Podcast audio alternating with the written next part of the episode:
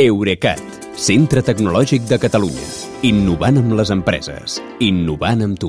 Albert Cuesta, bona nit. Bona nit, Kilian. Avui, gairebé ja és un clàssic això, avui Sí. no parlarem d'Elon Musk, per un dia, no parlarem d'Elon Musk, encara que si ens ho mirem bé, els que seran protagonistes, alguns d'ells sí que són clients de- d'Elon Musk, dels seus cotxes, bàsicament, Sí. perquè estem parlant dels taxistes de l'àrea metropolitana de Barcelona. Uh, efectivament, des d'avui hi ha una aplicació mòbil pública per demanar un taxi sense haver d'aixecar la mà uh, pel carrer. Es diu PickMe i en realitat no és que sigui una aplicació separada, sinó que és una, una nova funció a dins de l'aplicació AMB Mobilitat de l'àrea metropolitana. Això eh, està bé perquè així el taxi és només una de les opcions que et proposa per anar d'un lloc a l'altre, eh, al costat del metro o de l'autobús o del tramvia o del bicing. Tot i això, eh, jo crec que si PickMe vol ser l'alternativa a les aplicacions de tercers que ja hi ha per demanar taxi, jo trobo que es queda una mica justa.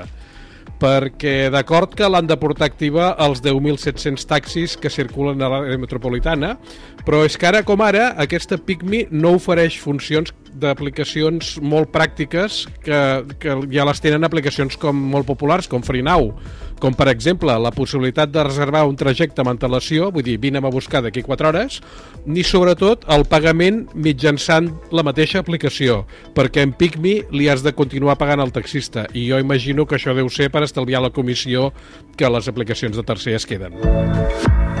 Doncs ara anem dels taxis als electrodomèstics, les nostres rentadores, que poden ser utilitzades, poden acabar sent utilitzades a la guerra d'Ucraïna? Uh, sí, mira, uh, les exportacions d'electrodomèstics europeus a alguns estats veïns de Rússia uh, en els últims mesos s'han disparat. Armènia ha comprat més rentadores, neveres i tirallets elèctrics entre gener i agost d'aquest any que tots els que es van comprar entre 2020 i 2021. I en el mateix període, Kazakhstan ha comprat el triple de neveres de fabricació europea que amb tot 2021 però no és que amb aquests dos països tothom s'hagi posat d'acord per renovar la cuina, perquè al mateix temps les vendes d'aquests aparells dels dos estats cap a Rússia han augmentat.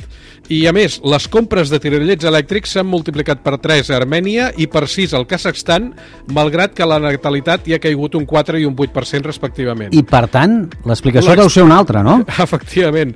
Segons Bloomberg, passen dues coses. Una part d'aquest comerç d'electrodomèstics és de tipus oportunista, és a dir, per atendre la demanda dels consumidors russos saltant-se les sancions europees, però és que alguns observadors asseguren que l'exèrcit de Rússia està comprant una part dels aparells i els està desballestant per extreure els components electro electrònics i utilitzar-los, sobretot en el cas dels xips, en equipament militar.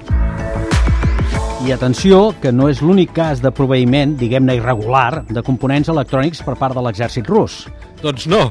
Segons el New York Times, les autoritats de trànsit de Suècia han detectat que en els dos últims mesos 160 radars d'aquests d'accés de velocitat han desaparegut de les carreteres rurals on estaven instal·lats. Gairebé tots els han robat entre la mitjanit i les 3 de la matinada, hi ha un patró, i en tots els casos el component que falta és la càmera reflex que està fabricada per Nikon i que costa més de 20.000 euros.